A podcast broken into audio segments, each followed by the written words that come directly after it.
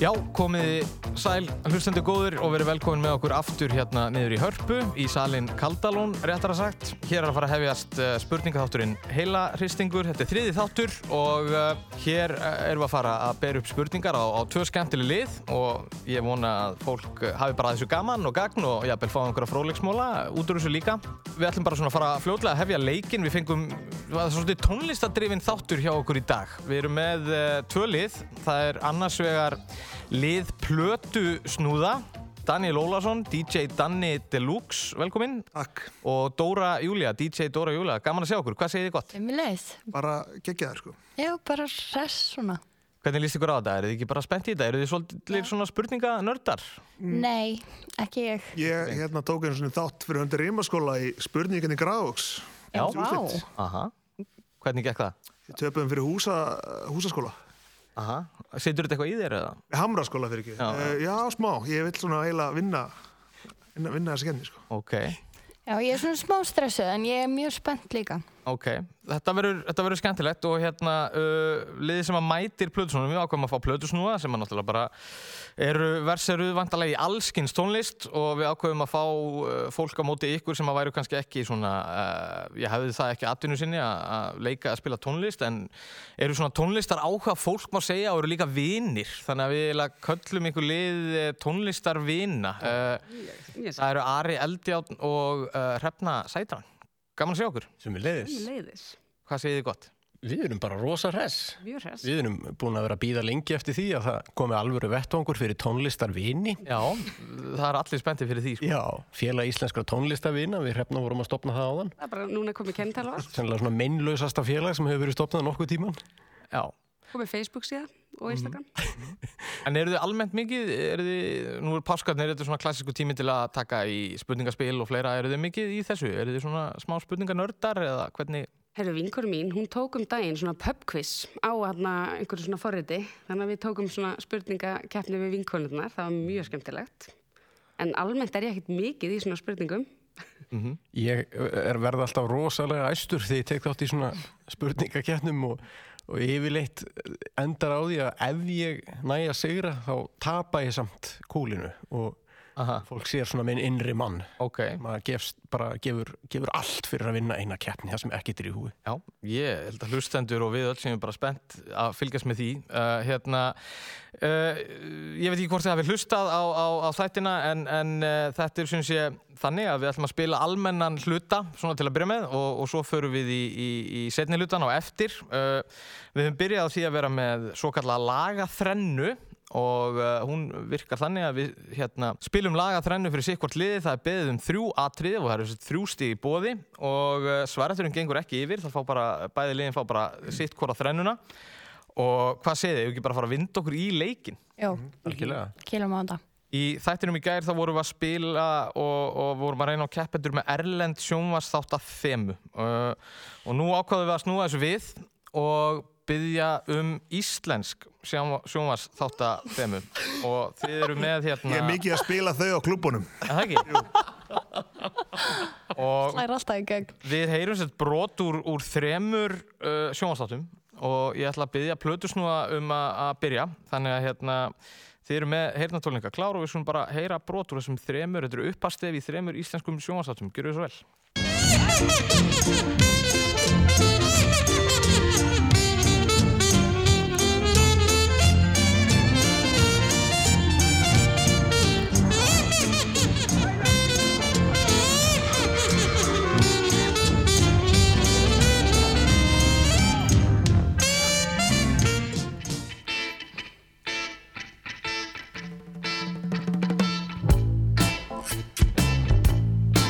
Það er kyrlátt kvöld við jörðin Riðkaði ykkur bári átt við veginn Áðurinn, múkinn og vargurinn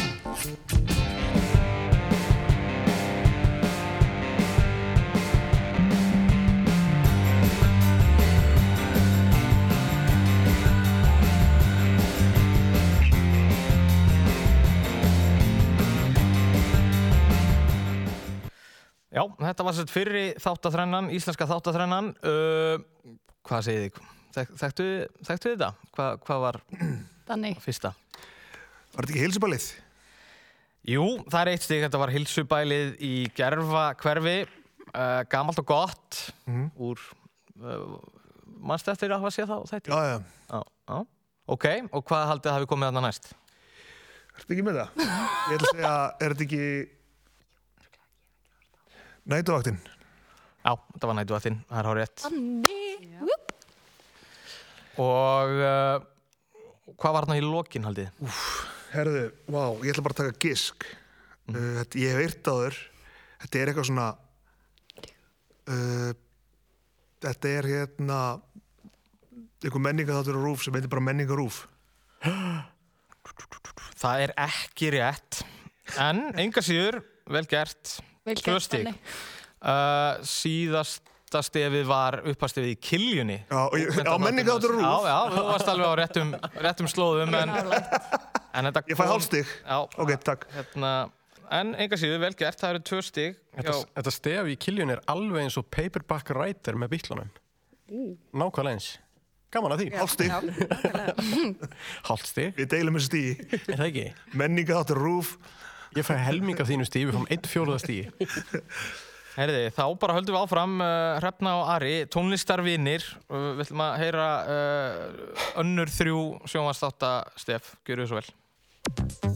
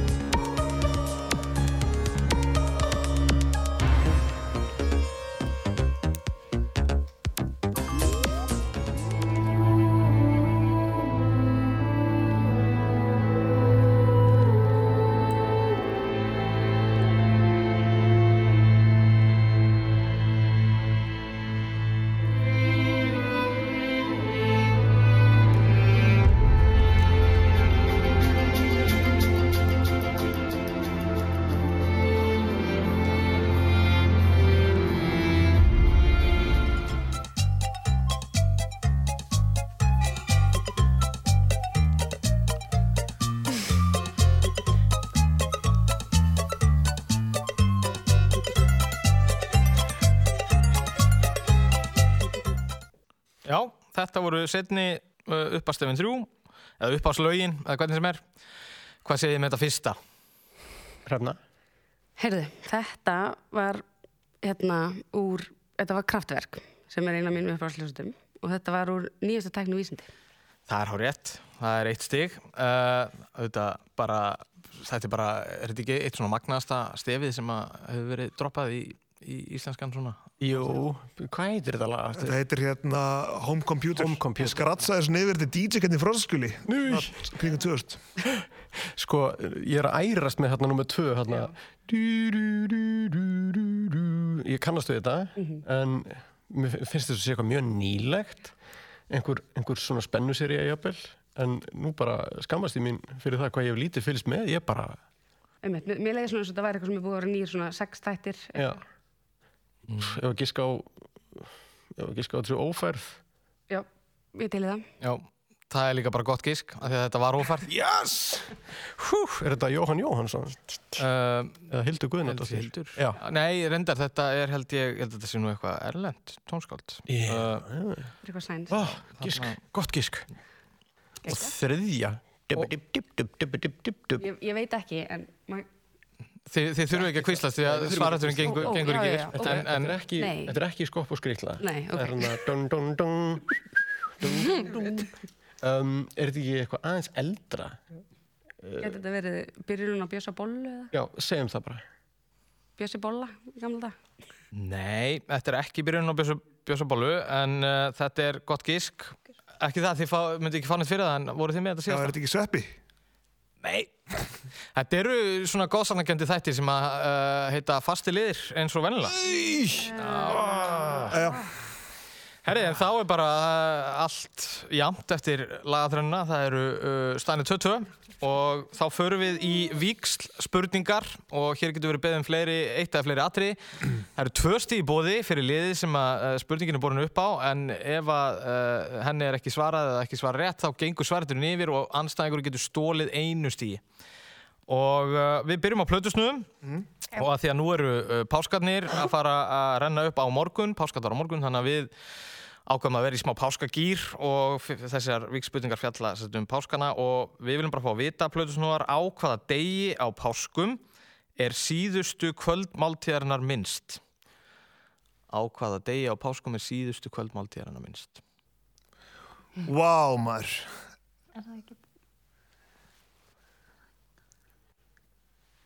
Þú ert að tala um bara, þú veist, hátíðadagur. Já, þetta er bara hátíðardagur e, í Það hérna sem síðasta kvöldmál. á páskaháttíðinni, já. Uh, já. Ó.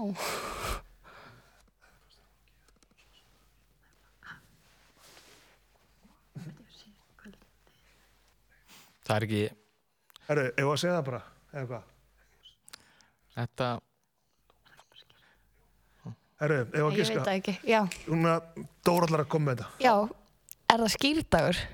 Það er skýrdagur Það er gott að þú tókst guðfræðina þarna Já, með. ég tók nokkra áfanga í háskólum. Já, já, það þurfti aðeins að fara yfir þetta en þetta, Já. þetta datt og hérna, Vel gert. Vissu þið þetta? DJ Sierra Júlia Nei, við, við vorum alveg í röglunum sko. það er ekki setna á vegna að hressu upp á þetta því að það er bara páskadagur og morgun uh, Akkurat. Bara cancelled eftir hennar þátt, sko.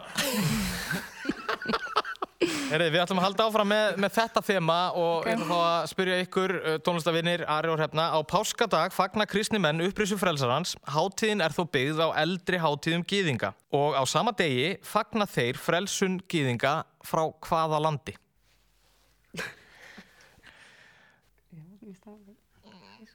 Vildi ég segja það? Herru, við ætlum að segja Já, Egyptaland. já, það er bara, Yes!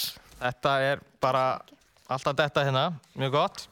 Dug, dug, dug. Herri, við ætlum að halda áfram í uh, vikslspurningunum og nú ætlum við að fara í tóndæmi og ég ætla að fá að spyrja ykkur, Dóra og Danni, Sálmur Kolbens Tumasonar.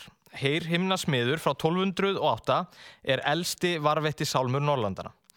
Hann er oftast sunginn við lag Þorkel Sigurbjörnssonar tónskálds.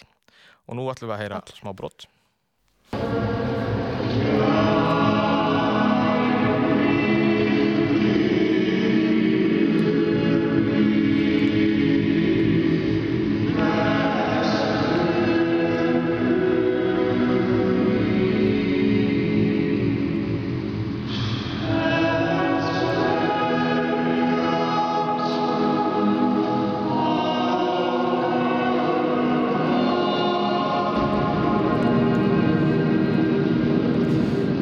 Já, hérna heyrðum við íslenska hljómsveit syngja sálmin á lestastöð í Vúpertal í Þýskalandi árið 2013.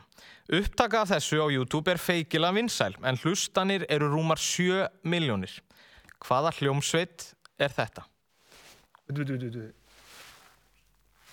Hljómsveit. Já, þetta er hljómsveit Ok. sem að flutti þetta á lestastöð í Vúpertal, þetta var tekið upp sett á netið. Man, ég deildi þessu á Facebook. Ég deildi þessu á Facebook. Way back when. En, ég, nei, ég held að þetta væri annað, sko.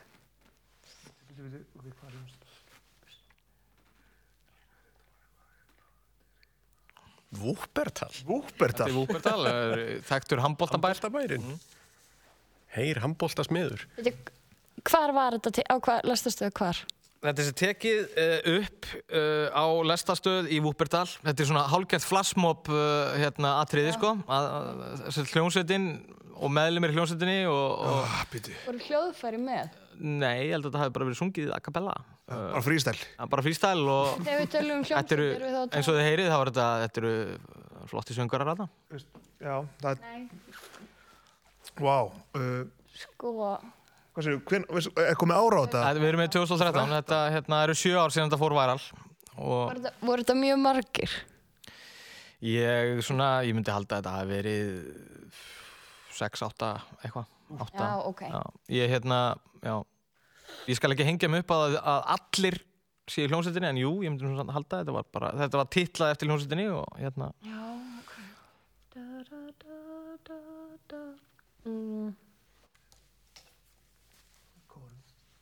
nú þarf ég að fara upp ykkur svar. Ég ætla bara að giska á hamrahlíðakórin. Það er ekki rétt. Hvað sé að tónlistar vinir? Það er upp á hljóðstu mín. Já, ég reyndar... Var mikið upp þetta, eh, uh, voru þetta árstíðir? Þetta voru ástíð. Það er hárið. Ég hef Ah. aldrei veit að Þannig að á- Ekki ég er Hér tókst Ara og, og Hrefnu að stela einu stíi Boom, Woo! another one. og við höldum áfram á sömu slóðum þar að segja hérna þetta kemur til ykkar, Ari og Hrefna Heyr himna smiður heyrist líka í bandarísku þáttaröðinni Handmaid's Tale eða sögu þernunar sem gerði voru eftir skáldsögu Margaret Atwood, heyrum smá brott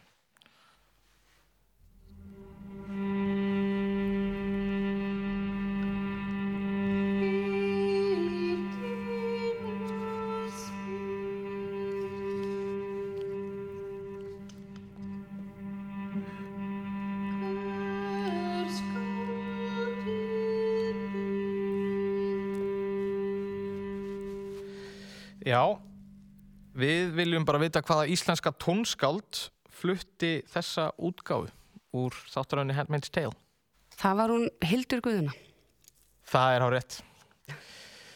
Þannig að þarna hefur orðið smá sveifla í keppninni. Staðan er 6-3 fyrir tónlistafinni á móti plötsnöðum. En Skellur. það er, uh, það er Nó eftir. nóg eftir í þessu. Nóg Þetta er rétt að byrja. Dyr. Herri, þá er komið að valflokkunum og Ókei. það virkar einfallega þannig að uh, uh, þið eru með fjóra flokka á blaði fyrir framann ykkur og uh, það eru plötusnúða sem byrja í þetta skiptið, fá að velja sér einn valflokk, svo veljið þið og þetta er alveg eins og vikspurningarnar að sverturinn getur gengið yfir og þetta stela einu stíi en það er um að gera að velja eitthvað sem að þið teljið ykkur uh, vera ágætt í en svo getur líka verið leikjafræði að velja eitthvað sem að þið teljið að Ari og Hrefna séu kannski síður góði eða eitthvað slíkt. Uh, eru eitthvað búin að kíkja á flokkana? Þetta er sem sagt kettir, íslenskar bíómyndir, beðmál í borginni og rússar í geimnum.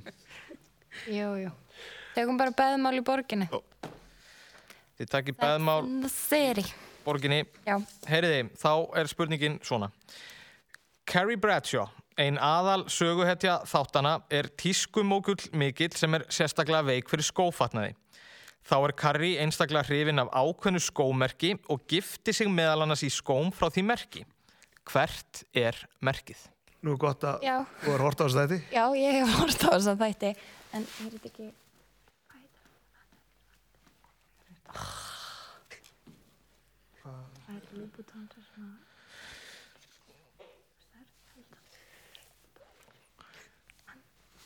Það, það er að færast eitthvað eitthva Ok. brós hérna við tónlistafinni, ég veit ekki hvort að þau séu með þetta, hvað hérna... Bara svo gaman hérna. Mhm. Já, ég er... Ég ætla bara að færa þetta algjörlega yfir að þig. Já, Okay. Þannig að þú mátt bara, ég er að... Það er... Á, ég ekki bara að prófa að giska á þessum. jú, gera það bara. Er þetta Louboutins? Nei, það uh, passar ekki. Hvað segir þið? Eða að giska á... Já. Hérna, hefur við gert hvað? Mhm. Ekki að við vitum þetta, af því við erum ekki búin að horfa mikið á þess að þetta við sjálf. Alls ekkert sko. Við ætlum að giska á Jimmy Choo. Nei, ekki heldur. Er þetta hann hérna ítalski sem var að deyja? Uh, nú sko, hér, sem sagt, rétta svarið er Manolo Blahnik. Ok. Blahnik, ég, hérna, verð að viðkynna, ég er ekki, ekki, hérna, Ég með var næst- einhverjar ítalegri Þetta er upplýsingar mjög um þetta erfið skómerki. spurning. Mjög erfið. Ég, ég var næstu búin að giska á Joe and the Shoes. Herri, þá uh, fáið þið Ekkert mál, ekkert Spurningu, mál. tónlistavinnir úr sama flokki, beðmáli borginni, Miranda Hobbs verður svo fyrsta af vinkonunum til að eignast barn stuttu eftir að hún fær þar fréttir að hún sé með latan eggjastokk.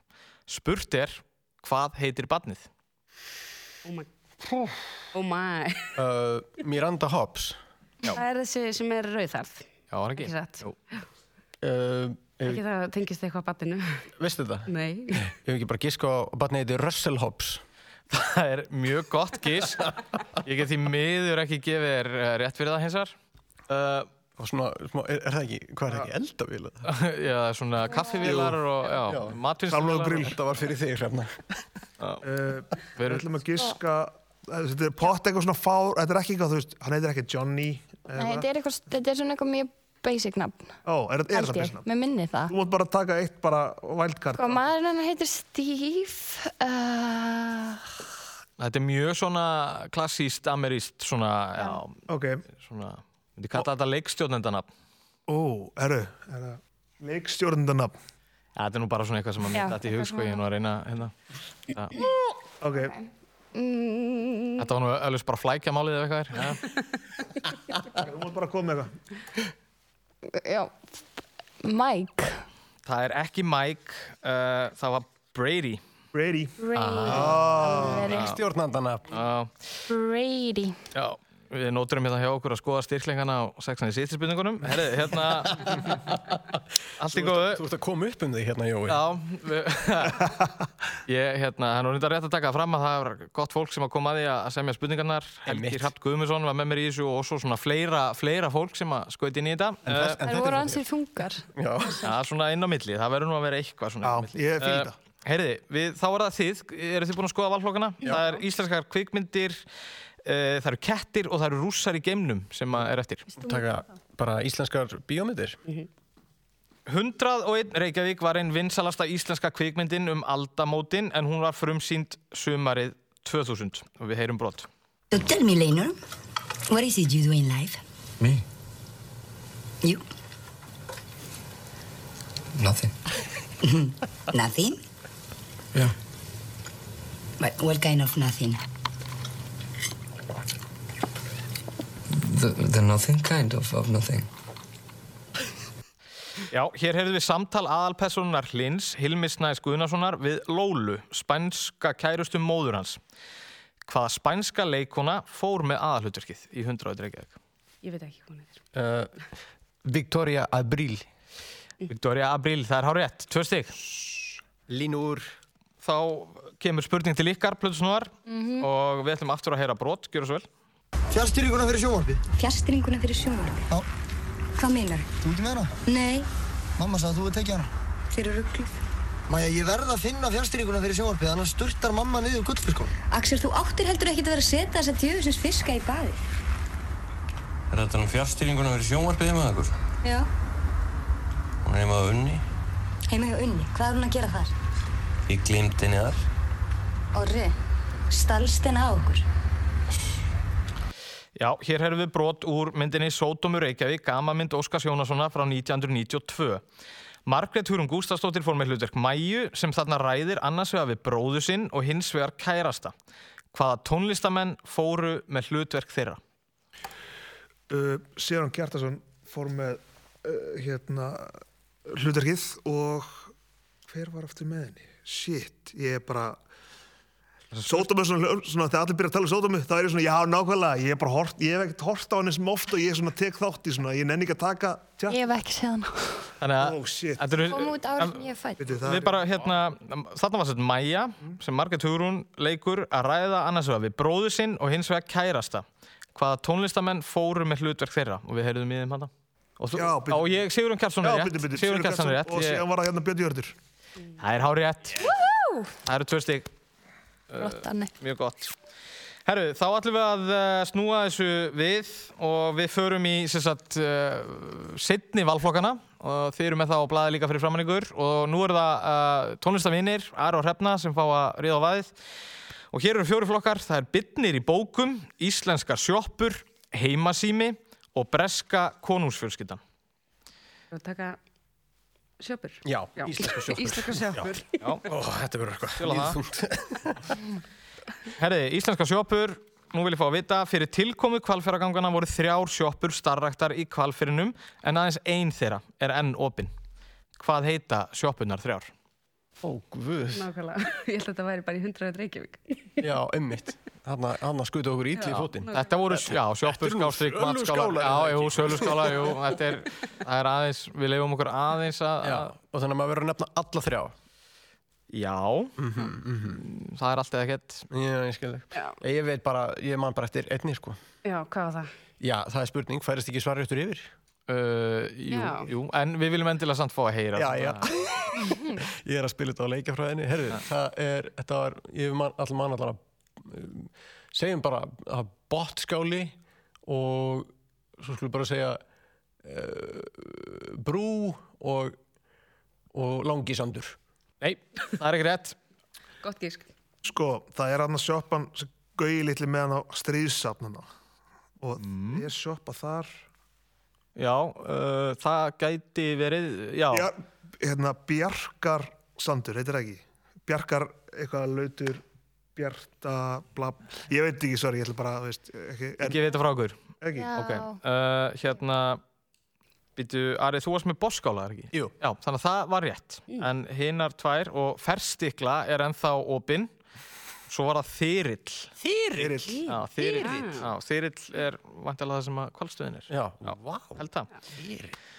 Einmitt. Herði, Danni og Dóra, þið fáið þá aðra spurningu úr íslenskum sjoppum. Í Gravarvogi hafa þó nokkra sjoppunar Já. opnað og lokað í gegnum tíðina en spurt er um eina af þeim lífsegustu. Sjoppan var upprunlega staðsett við enda gullinbrúar á fjallkonu vegi en flutti síðar að gilvaflött þar sem að hún hefur notið svo mikill að vinsalda að fyrir nokkrum árum var hún stækkuð um helming. Hver er sjoppan? Gullnesti. Það er hárétt, Ég, tvösti. ég, ég sko, mammin og pappi, ég ólst upp bara þú veist, 100 metri frá þessu og það er legendary hamburger tilbúðan sem er T1 en, en það sem, T1 já, Terminator 1 það er bara tilbúð 1 sko. Þeir eru líka með keto tilbúð sem heitir kjötari en við tölum um það senna. Tölum bara um það núna Uh, Það er- Þetta var mér skemmtilegu flokkur. Já. Uh, Mjög. þetta var auðvelda spurning sem ég fengi á æfum minni. Þegar hann sagði Fyrir mig, grái, sko. þegar hann sagði grái þá vissi ég að við vorum búin að tapa. Svipurinn á þér þegar hann sagði gráð Þú bara, I got this Herri, þarna minguðu plötusunandi munin og staðan er 8-7 uh, og þið eigið sem sagt uh, næsta valflokk, eru þið búin að kíkja á það? Þú mátt velja þannig. Heima sími. Heimasými. Herri, við ætlum að heyra smá brotskjör svo vel. Erðu, ert þú öruglega tilbúin fyrir símanúmerabreitinguna laugardaginn 3. júni?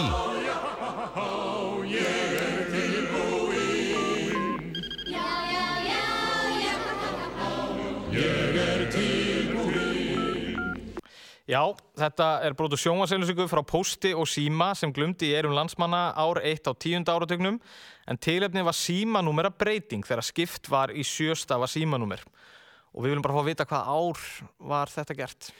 Uh, ég ætla að segja að þetta hafi verið Já. 1995. Tvö stygg. Já! Ég öskraði svona í alvegni. Ég ætlaði að mynda að fara að segja, ég, síðan ég man eftir mér voru alltaf sjöstaðir. Herði, þið fáið uh, ekkert, já þið fáið sambarlega spurningu, tónlistafinnir, uh, nú viljum bara vita hvaða ár kom gamla góða símaskráin síðast út á prenti. Já. Hva, hvernig var leitun út síðast? Ég er ekki með það, Nei, en hérna, eh, það það var, er, það er, ekkert, það er ekkert svo langt síðan, sko. nei, það var náttúrulega, Mhm. Aha, svo kom einu á eftir því. Með, og var, var það kannski bara senast? já, ég held það. Og það er örgulega, veistu hvað það er? Ég var að segja að sé 2012 Nei, Eh, hvað Uh, Eh, já, ég ætla að það segir uh, heimasíma kvíslarinn, Daniel Olsson.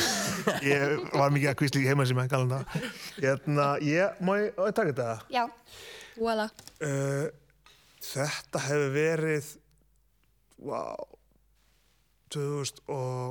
2010. Nei, það er ekki rétt, síðasta símaskráin kom út á prenti 2016, Vá. Wow. svo já, maður man ekkert eftir þessum seinustu sko. nei. ég man Var ekki gils á voru þarna. ykkur? En sko þegar maður, 2011. þegar maður var lítill þá var maður spenntur fyrir útgáðu símaskránar. Maður, Já, hérna, Ég ætla maður, að korta hana. já, Það já. voru skoða líka gulu síðanar, Já. svona auglýsingar. svo líka það að geta rifið símaskrá það var svona the ultimate maður var sterkur kall að lifta að rífa símaskrá, það var svona mælikvarði Varst þú í því það? nei, en ég man að Jón, Jón Páll er þetta í hefma gunn minni mig Já, ég mann þetta líka. Eh, En wow, 2016, wow. Mm. já, Það er ekki langt síðan það var. maður þarf eiginlega að skaffa sér þá símaskrá bara svona, Ætli hún hafi ekki verið þunn, eða þú veist, jú, hún er, hún er rosalega það er þurr ekkert mál að rífa hana. já, Herri, þá er komið að síðasta liðnum í þessum fyrirhluta, það er þrýþröðin og hér er beðið um þrjú atriði og við ætlum að heyra uh, hljóðbrott hérna á eftir. Uh, eru liðin búin að skipa rítara því að bæði lið svara þessari spurningu. Ok. Það eru þrjú stig í bóði, Þannig viltu vera eitt ritari. stig fyrir hvert atriði. Og uh, hér heyrum við í þremur teiknimyndum Disney sem talsettar voru á íslensku. Kanski vildu báðar að láttu sjá Þú er eitthvað stofur betri vinn en mig Lífið er ekkert slokk Ég kann að meta sig Svona hvíslaðu nú hvað þú vilt Þú átt enga betri vinn en mig Herra, við erum svona vilja gerðir Segðu til hvað viltu með Allt sem þú vilt er gott og gild Hvað svaka stort matar fatt Við færum flokkin að Sleip þau mig inn, lát þau ei sjá Vertu góða, stelpan sem þú varst Fældu bældu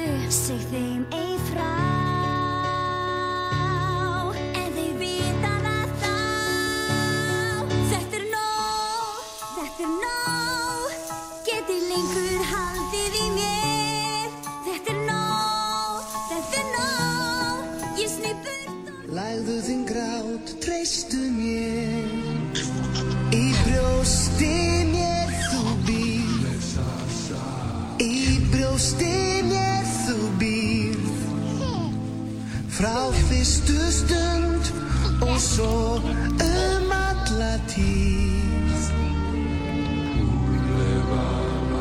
Í brjósti mér þú býr Þetta voru þessar þrjár teiknumyndir Disney sem talsetta voru á íslensku og við viljum bara vita hvaða þrjár myndir voru þetta og hverja heyrðu við syngja aðal rödd í hverju lægi. Og, Hver má byrja? og þið skrifið niður svörin þannig að hérna, ég fæ bara frá okkur blöðin með svörunum og Ok. við förum yfir þetta. Hérna var frábær tilefni til að nota kvísl Nei. mækana. Þetta er að koma hérna frá báðum liðum. Takk fyrir.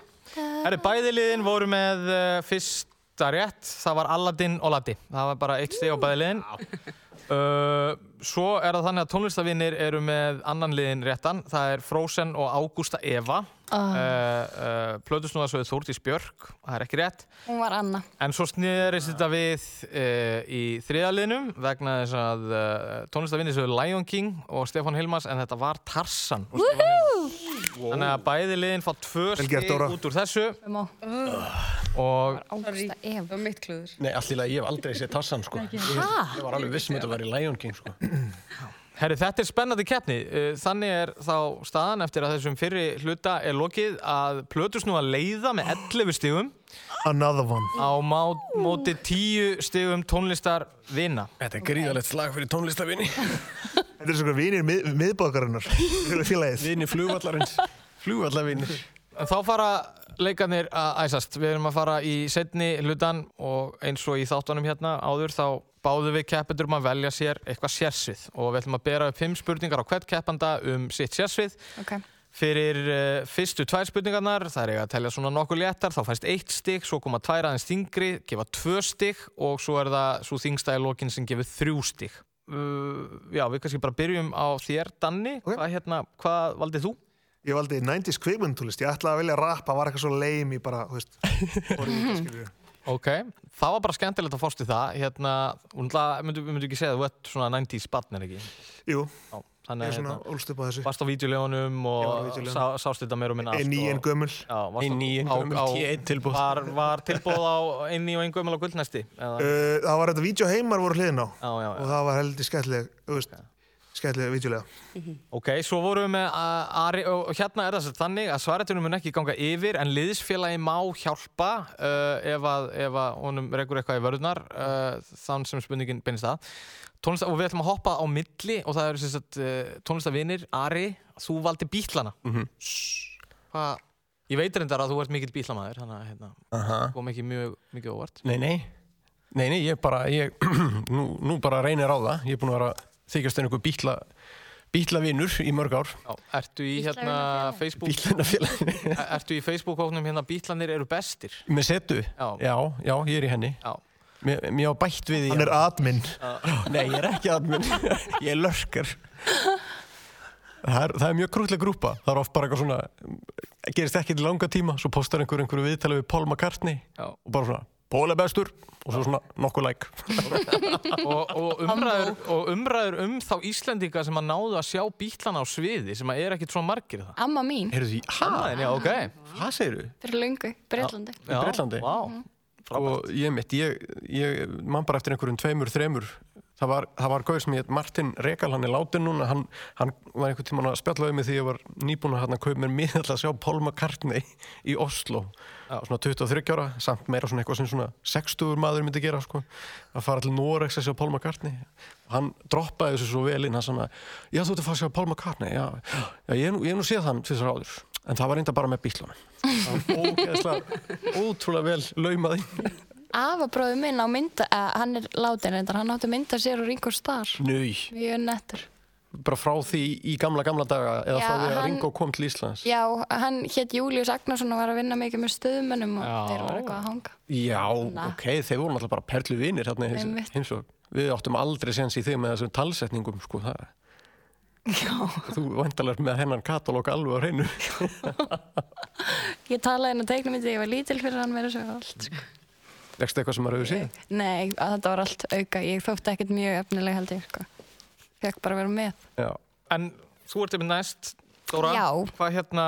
Uh, Ég veldi Britney Spears. Já, Ég hef séð hana tvisvar á tónleikum. Ok. Mikið fan. já, við... Um, bara síðan ég var lítil, sko. já, Man, einmitt. alltaf í jólagjöf gaf maður Britney, nýjasta Britney diskinn, bestu vinkunni sinni og fekk líka frá henni í jólagjöf. Já, já, já. Munið Þetta var ekki þegar, flókið. Þannig munið þegar mest shocking event í heiminum var þegar hún snóðaði sig. Já, 2007. Já. Alveg, það var bara huge news. Já, já. Hún er búin að missa það. Já, þetta er þetta mjög ákvæðvert að því ég var að hugsa um að spurja um þetta Já. og nú er þessi Dóra búin að svara þessari spurningu en, Já. hérna, en ég reyndar, hún, hún datt út þessi spurning hérna, en, Æ, hannig. en, en, En einmitt, 2007. Mhm. Já. Af ekki segið, if Britney could make it through 2007, you can make it through this day. já, Það er sorry. svo fín. þetta er þetta mjög Ef eflan við töpum þá Við unnum verðum að tilengja okkur þetta, já. Ég ætlaði að fara að segja alls konar hluti líka en Já, hvað er með það? ég vil ekki, skemm- ég vil ekki skemma fleiri, fleiri spurningar sko. Já, Herði, og hérna, þetta er skemmtilega svona tónlistadrifi hjá okkur þetta er náttúrulega plötusnúðar á móti tónlistar eh, hérna, vinum þannig að uh, uh, og hrefna, Já. þú valdiði líka tónlistatengt Ég valdi mér, sem að þannig fannst svolítið boring, ég valdi mér 90s hip-hop. Já, mér finnst það ekki boring. Ég er bara svona... Já, ég veit, það er bara svona þannig- augljóst fyrir þig. Vinnan þín Já. En já, Ég vinn í- mér, ég vinn- vinn í netis rap. Þetta er svona, já, En mér langaði bara að velja það því að það var bara lífið snýrist alltaf um það á þeim tíma og maður var svolítið á kafi í því. Já, það er bara mjög skemmtilegt og það var gaman að fást við þessar spurningar og við fengum, uh, við leituðum aðeins út fyrir hérna okkur spurningahöfundana meiri segja til þess að hérna reyna að hafa þetta svolítið skemmtilegt. Uh, en við hefum ekki bara að byrja þetta og eins og ég segi, það er hérna, þetta eru bara stálinn stinn, staðan er 11.10 fyrir plötusnöðum og við ætlum að byrja og það er Danni sem að byrjar. Uh, fyrsta spurning, 90s kvim, kvikmyndatónlist og við heyrum smá brott.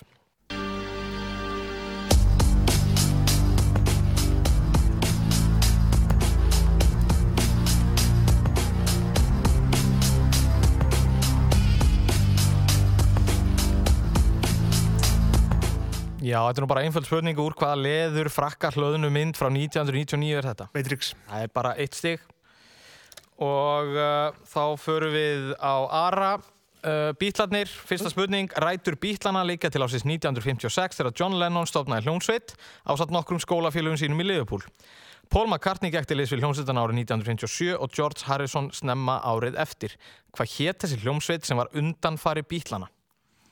The Quarryman Eitt stig Jep. og uh, þá er það Dóra Britney Spears eitt, uh, fyrir eitt stig, fyrsta spurning uh, Britney Spears hóða að koma fram ofinbilað 12 ára gömul árið 1993 með klubbin nokkrum sem í voru meðal annars Justin Timberlake, Ryan Gosling og Christina Aguilera hver er klubburinn? Mickey Mouse Club. Það er hár rétt Þetta fyrir bara vel að stað hérna hjá okkur Nú ætlum við að heyra smá hljóðbrot á þig hrefna, það er fyrsta spurning 90s hip-hop Hey, yo, what up, fish? Straight up and down, I'll be illin', doing my thing and bringing the peeps the right feeling. Alright, son, that's the spirit, cause that's one of the most important reasons why we're in it. Win it? Jackpot, son, you guessed Why? it. Negativity gets molested. And since we started, we haven't seen it, don't wanna see no fucking exit. Já, hér hefur við brot úr læginu My Style is Freaky eftir íslenska hiphop-hljónsett sem náðu vinsaldum árið 1997. Hver er hljónsettin? Þetta er Subterranean. Fyrsta umferðin var bara þetta, bara kom allt, auðvitað. Herði, uh, þá er það uh, önnur umferð, uh, önnur spurning, Danni, fyrir eitt steg líka og við heyrum aftur hljóðbrot.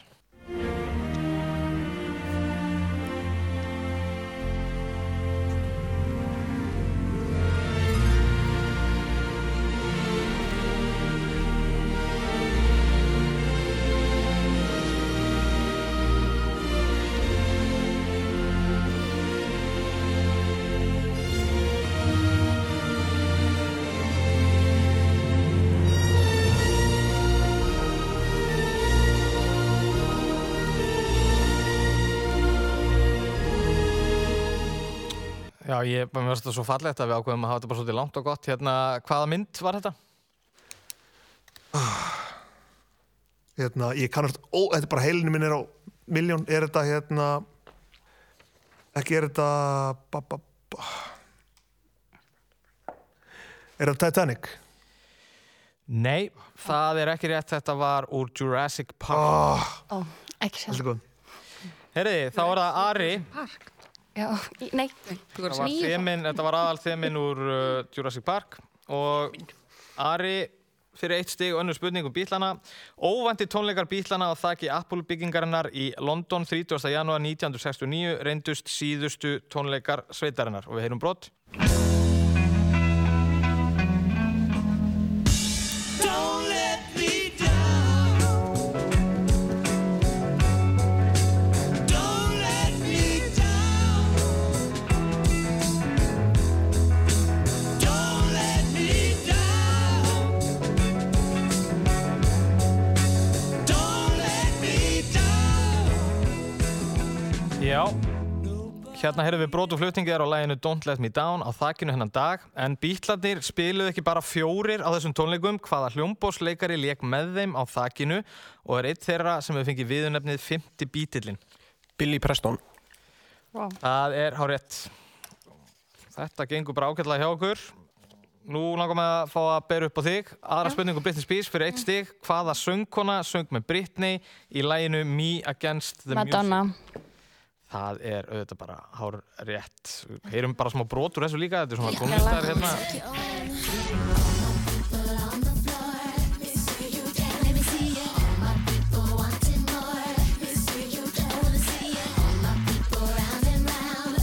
Já, þetta er mjög, mjög skemmtilegt.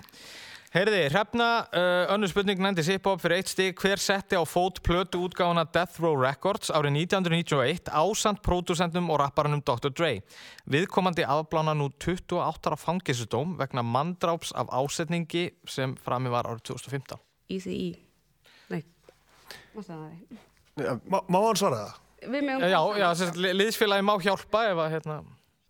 Og þið þurfum ekki að kvíslast, nú er þetta bara um við liðið megum sem ekki svarar. svara. Já, ok. Her, Ok. Já, er þetta ekki okkar, okkar allra vesti? Jú. Þannig þetta er sjúk. Nætt. Það er bara hárétt, sjúknætt. Þetta kom. Þá hérna er það Danni fyrir tvö stig, þriða spurning, 90s kvikmyndatónlist. Lag Vitni Hjústón úr Bodyguard er eitt vinsalasta kvikmyndalags sögunar en geisladiskurinn seldist í bílförmum þegar myndin sem skartaði söngkonunni og Kevin Costner í hlutverki lífvarðar hennar kom út árið 1992. En hvaða fræga bandariska tónlistakona samdi aðalag kvikmyndarinnar I Will Always Love You? Árið 1973, já. Dolly Parton. Já, þetta kom. Uh, Vel gert. Þetta vissi ég. Þá er það Ari Bítlarnir, þriða spurning fyrir tvö stig. Flest lög Bítlana eru skráð á Lennon og McCartney en George Harrison samdi þó nokkuð mörg líka. Einungis tvö lög á plötum Bítlana eru hins vegar samin af Ringo Starr. Hver eru þau? Já, samin á Ringo Starr einum. Já, þess að einu, það- tvö lögin sem eru skráð á Ringo, einan. Starr. Það er Octopus's Garden og uh, Don't Pass Me By. En svo er líka til eitt lag sem heitir What Goes On sem er skráð á alla. Já, einmitt. Ég gruna að þú gætir komið að þú myndir reyna að setja mig í ykkur vandræði en þ- við vorum bara að byggja um Octopus Garden og Don't Pass Me Já, já, By. já, þau tvö eru skráð á Og- hann einan. já, já. og þetta er á plötunum Abbey Road og hvíta albúminu og skemmtilegt að hann er ekki skráður sem Ringo Starr fyrir lögunum Nei, Starkey Já, Risa Starkey, akkurat Þetta er náttúrulega lögfræðingar sko. Þetta, Já, já, já. þetta er ekkert með listamanninn að gera. Sko. Nei, einmitt, gaman að þessu Þá er það Dóra, þriða spurning fyrir tvö stig, Britney Spears. Britney kom fram á sjónasvið árið 1999 með slagaran Baby One More Time Mhm. sem kom út á samlendir plötu. Mhm. Texti lagsins hefur farið fyrir brjóstið á ymsum. Sumir sjá upphafningu ofbeldisambanda eða tilvísanir í óheilbrið ástasambönd úr textanum. Mhm. En svíin Max Martin sem samdi lagið hefur aldrei botnað neitt í þessu. Mhm. Hann útskýri sjálfur nýlega hvað hann átti við í viðlæginu og uh, nú spyrjum við einfallega hvað var Britney að meina þegar hún söng hér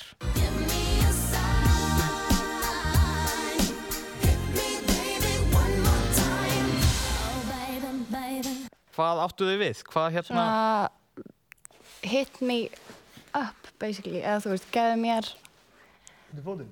já, eða svona merki um hvað þú ert að meina og heyrði í mér aftur, er það ekki? Hit me up Give me Mm, Jú, ég eh, myndi, ég ætla að gefa það rétt fyrir þetta. Þetta er eiginlega, hérna, það sem kom fram var sko að hit me merkir að að bara ringja í viðkomandi eða senda Já. sms eða bara hit me Heyrðu í up, mér, bara já. heyrði í mér, já.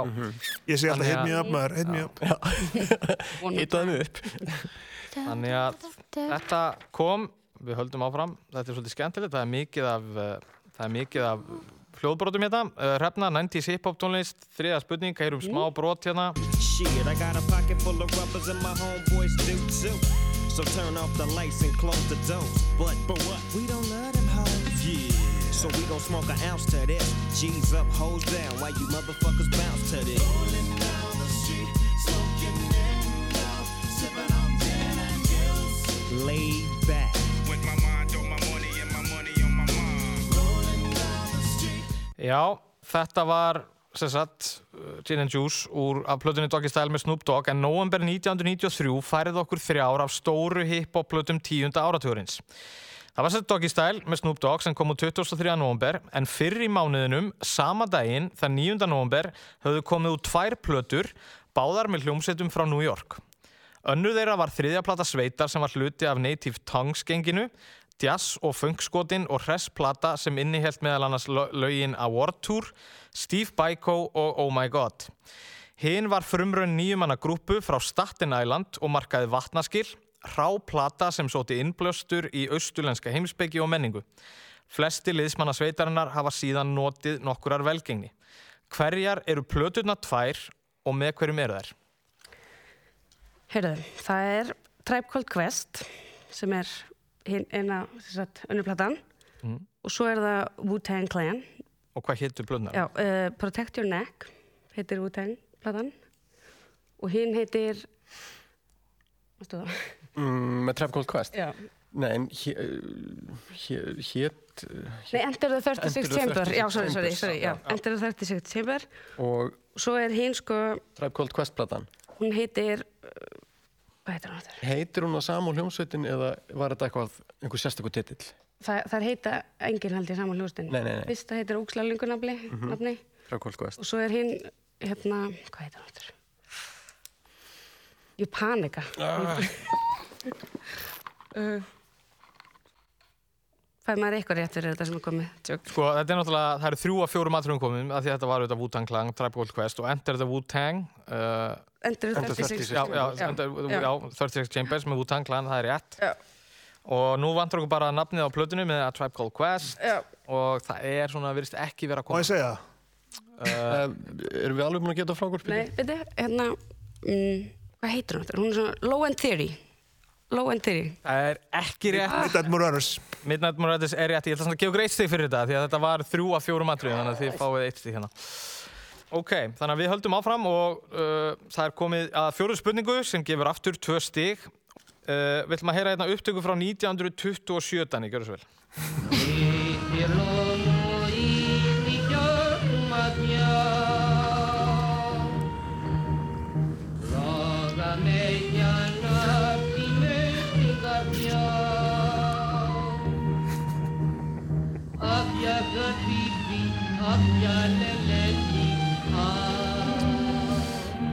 Þetta er elsta upptaka sem vitað er um af gömlu þjóðlægi frá svæðinu þar sem Tyrkland er núna. Lægið er líka þekkt um allan Arabaheiminn í Íran og jafnvel Indlandi. Árið 1962 gerði brimbrettarokkurinn Dick Dale útgáfa læginu sem notu var sem upphafstef hvaða Hollywoodmyndar á tíunda áratugum. Hvað óleik var eiginlega að gera mér þetta? Sko? Býttu hvað segja, ok, þetta er upptaka Það er frá svona- 1927 það var einhver brimbrettagöður sem gerði uh, uh, hérna, Útgáfu af þessu lægi, eða svona, já. og síðan notaði þetta- tíundi. Já. og, hva, og hvað myndir það? já, við viljum bara vita hvaða mynd. Er sem sagt, það- Þetta var upphafstef þeirra... Pulp Fiction Svona bara heyra hérna hvernig þetta kom út þarna.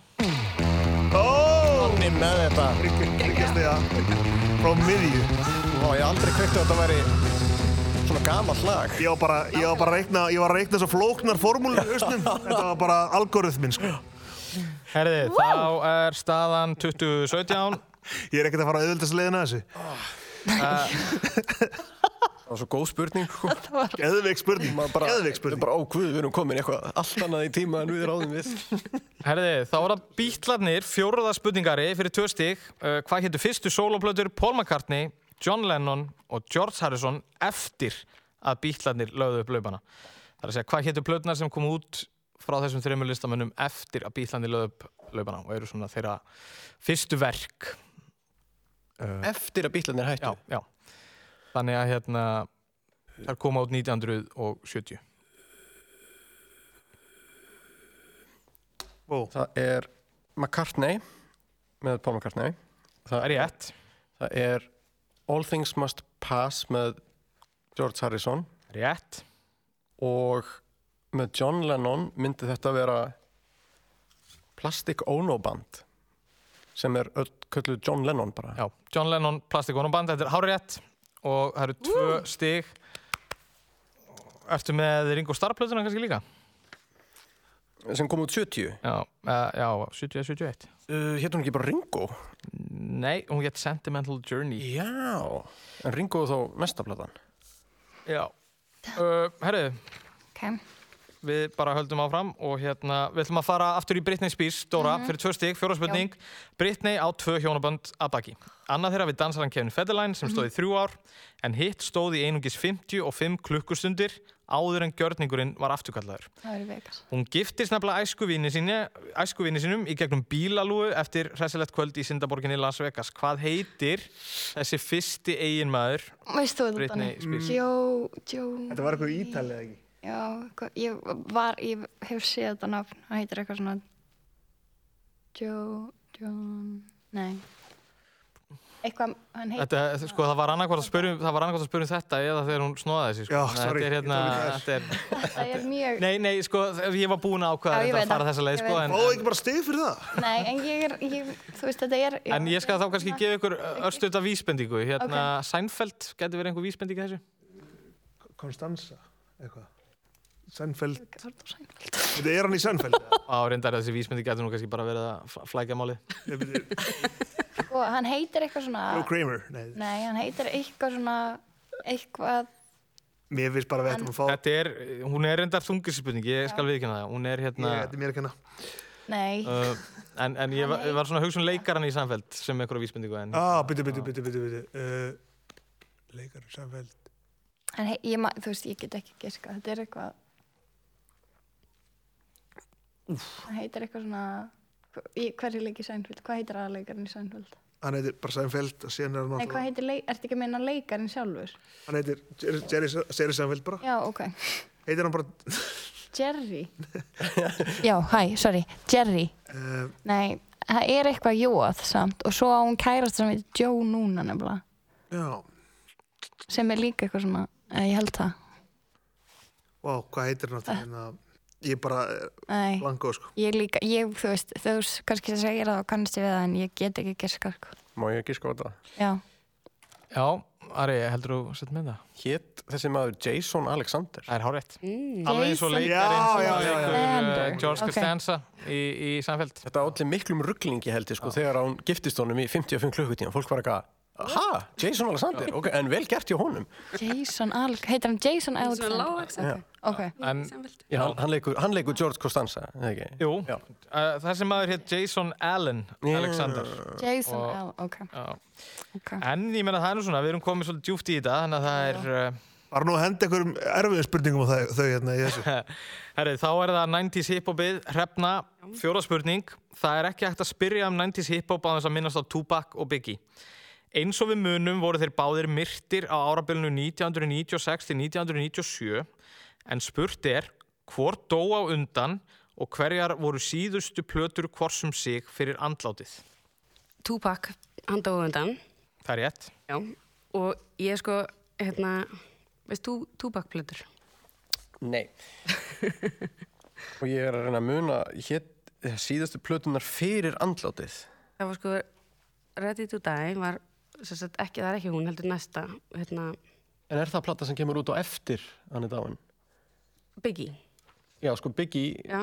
það kom út plata með honum sem hétt hét hún ekki Life After Death Jú. Já, hún er þannig að eftir hann Já, er dáin já. Þannig að Ready to Die, Það er svo Ready to Die með Biggie og Tupac uh, ef við bara giska á einhverja Tupac-plötu ég er rosa lítið í Tupac. sko. hann gaf örgulega út mjög marga plötu líka hann tók svo mikið upp uh, var plata sem hétt Bad as I Wanna Be eða er það bara ég að ruggla eitthvað Hvaða lögur til dæmis, eitthvað, er ekki eitthvað svona, ég þekki bara Hear Em Up og ekkert annað sko. já, já.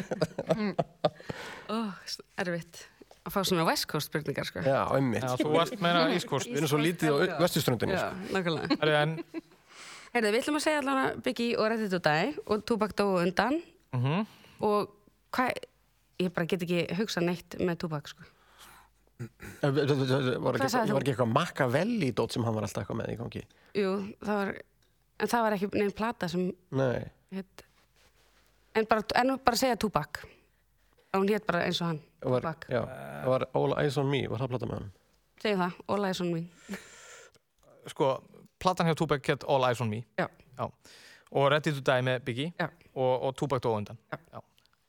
En- Þá er þetta allt rétt Já, þá er þetta alveg allt rétt oh. Hét hún All- hét hún All Eyes On Me? hérna, Já, já. Í alvöru? Já, já, ég, hérna, ég held einhvern veginn að Ó, hvaðan kom þið verða að fara eitthvað annað með þetta þannig að- Það komu tveir titlar allt í innu, Bad As I Wanna Be og All Eyes on Me. Þannig þú samþykkir þetta, All Eyes On ég, er, Me ég man ekki hvort að Machiavelli hafi komið út bara þegar hann dó eða eftir að hann dó eða, en, en Þetta var held ég allt saman uh, mm, þetta var allt yfirfarið og, og, og staðfest held ég þannig að hérna, þá hefur undar orðið smá breyting hér á það því að nú eru uh, tónlistarvinni búin að taka fram úr fyrir síðustu umferðina og staðan er 22-20 en Ok. það eru 60 bóði fyrir hvert lið Ok. Þannig að hérna, og Danni, það er fymta spurning um uh, uh, kvikmyndatónlist tíund áratugurins og við ætlum að heyra smá brot, gjöra svo vel.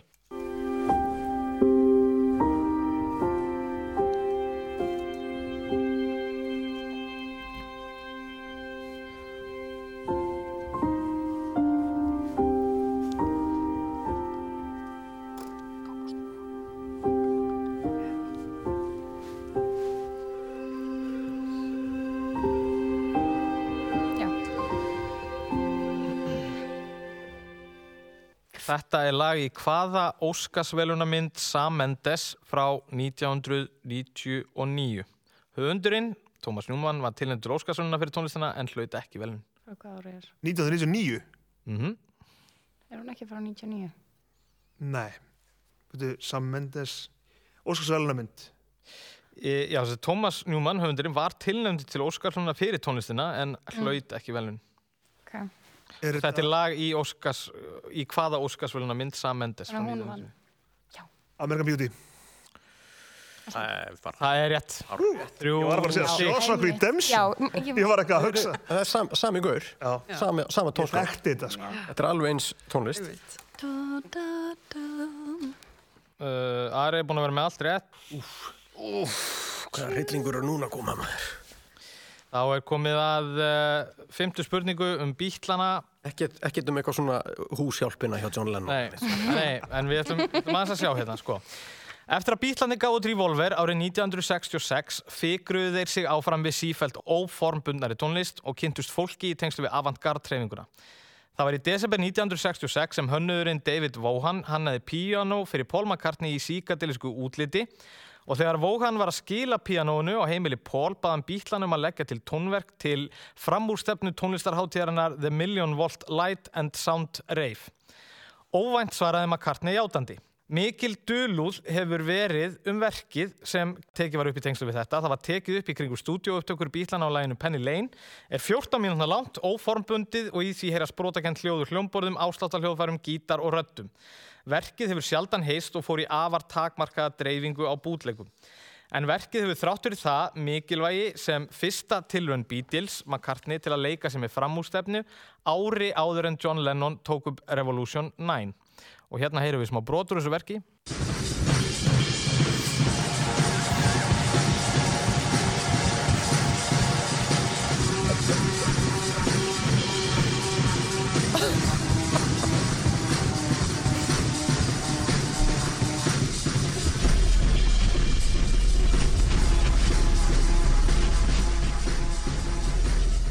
Já. Úff, hvað ert að gera mér? Hvað heitir þetta? Eh, Hvað hvað heitir verkið? Hvað heitir verkið? Já, þetta var verk sem að Paul McCartney samti fyrir þessa tónlistarhátíð Aha. árið 1967 í februar. Já, ef við ekki bara segja þetta verk heitir Carnival of Light. Uh, það er náttúrulega hárétt. sko. Vá, vel gert.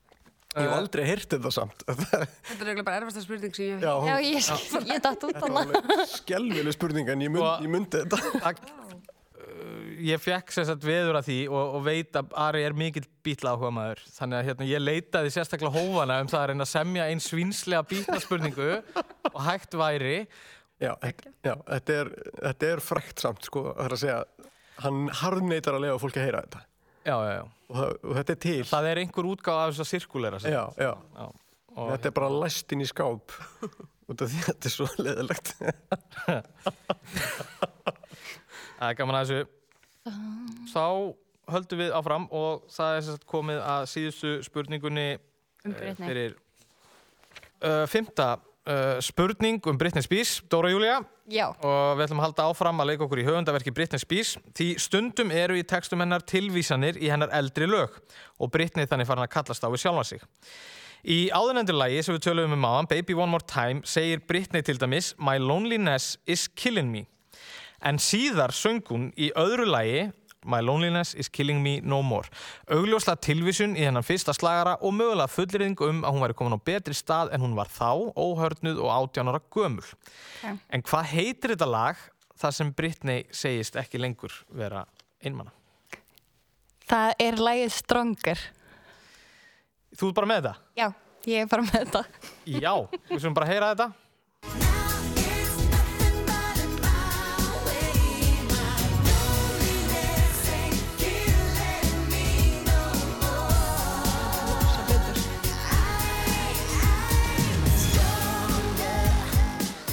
Vá, Vel gert. Það var ekki. Vel gert. Herði, þetta er, þá er sem sagt, staðan orðin í upp og uh, það er bara ein spurning eftir og hún fer á hrefnu og það er bara ekkert flóknar það, hún er bara upp á keppnina. Við spyrjum um hljómsveit. Hún var stopnuð í Brooklyn árið 1992, er enn starfandi, gaf meiri segja út plötu í fyrra þótt að viti það væntalega fáir. Í henn eru plötusnúðurinn DJ Evil D og rapparnir Five Feet og Buckshot sem er þekktastur liðsmannina. Alls hefur sveitin gefið út fjóra plötur en það er eiginlega bara svo fyrsta sem náði einhverju máli. Hún kom út árið 1993 og heitir Enta the Stage. Hún inniheldur meðal annars lögin How Many MCs, I Gotcha Open og þetta hérna lag. Microphone check, one, two, here we go. And I'ma let you know who got the flow. Spitting my words like an automatic weapon. Suckers keep stepping, cause I'ma let you know.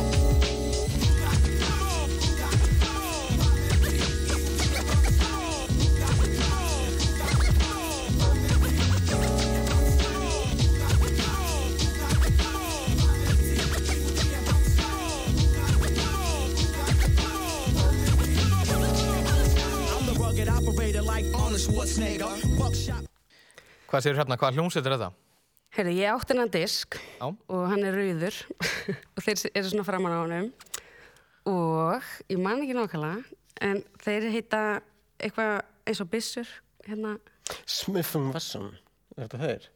gæti verið. Uh, ég er bara ekki, ekki Já, eins, og, nei. eins og byssur. Það var eða bú, nei, býtu, búgi, buckshot Nei, þeir smif, nei, smifin Vesson heitir alltaf smifin Vesson Já, þeir kalla sér bara það, Já, þeir heita, oh, hvað heita það aftur? eins og byssur. Já, annar þeirra heitir náttúrulega hagla, sko, Já. þannig að það lítur að vera eitthvað tengt Gæti þetta verið, þá bara smifin Vesson Uh, pff, uh, áður en við förum í það Já. áttur hennar disk, hann Já, var rauður já. Og ég man að, þú veist, enda þið steit, svona, þeir, annar, þeir eru með svona sólgleru, minnum mig, einn, mm og var það tengt byssum nei, ég fæ bara, ég er alveg bara trillast, já, að veit þetta.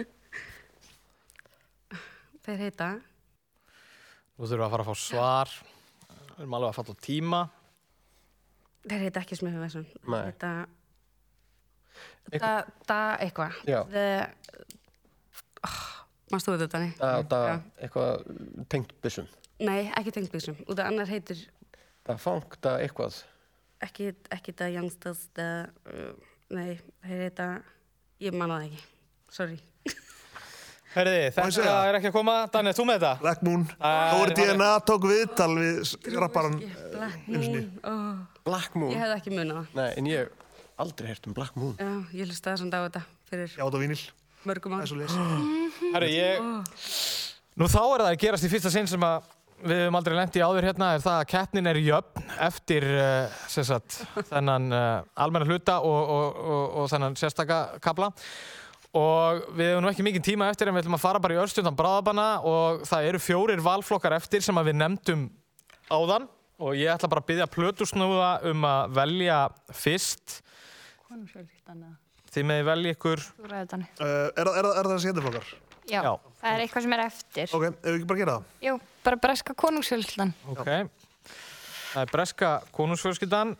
Eins og allir alvöru royalistar vita stendur bretadrottning í ströngu þessa dagana með, með hinn óstýrilátu Harry og Meghan.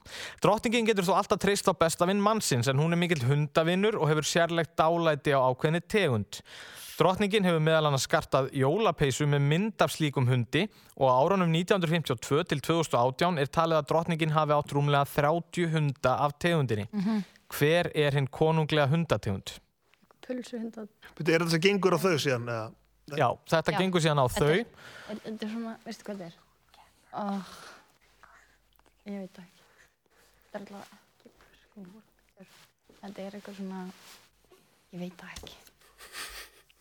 Einhver- Ég veit það ekki. Já, já.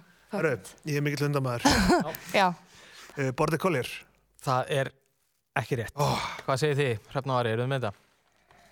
Hvaða Hunda. hundar? Við sko þetta hvort þetta væri svona veiðihundur. Já. Þú veist, og þetta er svona eitthvað royalty fara í eitthvað. Aha.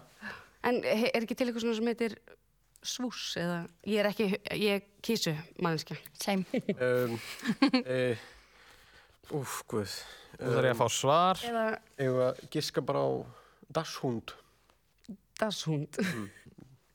Dashund Já, Ef að giska á það ég er til í það. Dashund. Nei, það, þetta var Korki. Korg. Korg. Ég hef aldrei giskað. á það. En þá fáið þið spurningu úr uh, bresku konusfjölskyldunni líka og uh, þetta er bara, nú fara leikar aldrei sæsast. Vilhjámi Bretaprins og eiginkona hans Katrín giftu sig við hátilega aðtöfn árið 2011 og eiga þau saman þrjú börn, þau Georg, Karlottu og Lúðvík. Þau eru auk þess að vera fyrirmyndar fjölskyldufólk hertogi og hertogi að innja ákveðins hertoga dæmis í Bretlandi. Hvert er heiti þess? The Duke of Ellington. uh, William, ert þú ekki hert og enja? Jú, Hrefna. ég er það. Var var ekki einhver sem að gaf þér og Jú. Bjössa land í Skotlandi? Þetta grínast, ég hafa búin að gleyma því. Já. Við fengum í jólagjöf. Þið, hérna, þú, þú ert með titil Ég á þetta alltaf út í geimslu. Já. Þegar ég fer að laga til, þegar ég hérna, fyrir það, þá finn ég þetta. Þú ert eins og lady Lady, Já, hrefna. og þú átt einn fersentimetr í Skotlandi er það Rétt, ekki? Já. um, um, b- b- b- b- b- b- b- uh, hertoga dæmi sko, the duke of the duke of, Ellington, eða hvað, er það ekki til? ég veit ekki Nei. ja, e, uh, Win, Winchester er til líka Nú erum við alveg að falla á tíma, hvað segir þið? Ef þú segir Winchester, Já, segjum Win- Winchester. Það er ekki rétt. Ok, hún er Duchess of Sussex og hann Duke of Edinburgh eða? Það er ekki heldur rétt, þetta er Cambridge. Cambridge, Cambridge. bæði tvö. Já, þau eru sett orðin uh, Cambridge. Ok. Mjög reyr. Hertog og hertoginja í... Af Cambridge, ok, ég er undir. Herði, uh, þá er það þið sem að veljið valflokk sem að hefur gengið af hérna og þetta er bara upp á keppnina núna. Við ætlum að taka Byrnir í bókum. Byrnir í bókum, Mhm. það er bara skemmtilegur flokkur. Byrnir í bókum, Ari og Hrefna. Frá hvaða landi var hinn ungi björn Paddington í samnemdum barnabókum Michael Bond?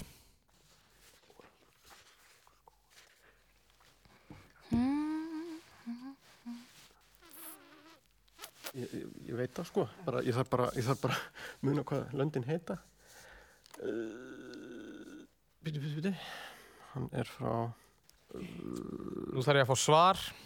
Við erum alveg að fara að sprengja hérna allan, sko, allan tíman. bíti, Mér heyrist þetta ekki vera að koma.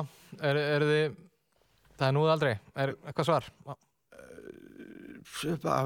hann er frá sem sagt þarna Paddington er, er flóttamaður og hann kemur frá um, þarna Þetta er ekki að koma. Hann er frá Venezuela Það er ekki rétt. Eru þið með þetta? Þú bara, ég... Austuríki, Nei, það er ekki heldur rétt. hvaðan er hann? Hann er frá Peru.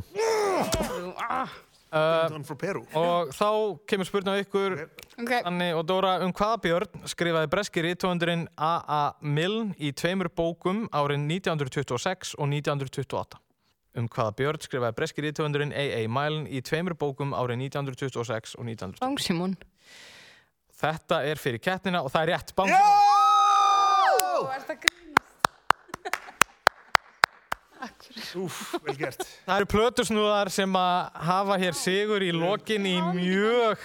Lamingi, takk, takk. Í mjög Þetta var ótrúlega. æsi spennandi keppni sem fór í framleggingu í fyrsta sinn í heilarhristingi og við erum bara komin ansið langt á tíman hérna þannig að ég verð bara að fá að þakka ykkur kærlega fyrir komuna, það var ótrúlega gaman að fá ykkur uh, tónlistavinir, Ari og Hrefna þið stóðu ykkur virkilega vel uh, en þetta fór allaleið uh, allaleið í framleggingu og þar er það Danni og Dóra sem að sigruðu til hamingju Þið takkja þess að þessu páskaegg með ykkur heim, ég segi gleðilega páska og uh, við heyrumst aftur á morgun. Takk sem Takk fyrir. Það var gott. Sem leiðis. Þetta var gæðlega. Þetta var vel. Ég fekk smá sjans þarna. Ég vissi, vissi bæði svörum í þessu.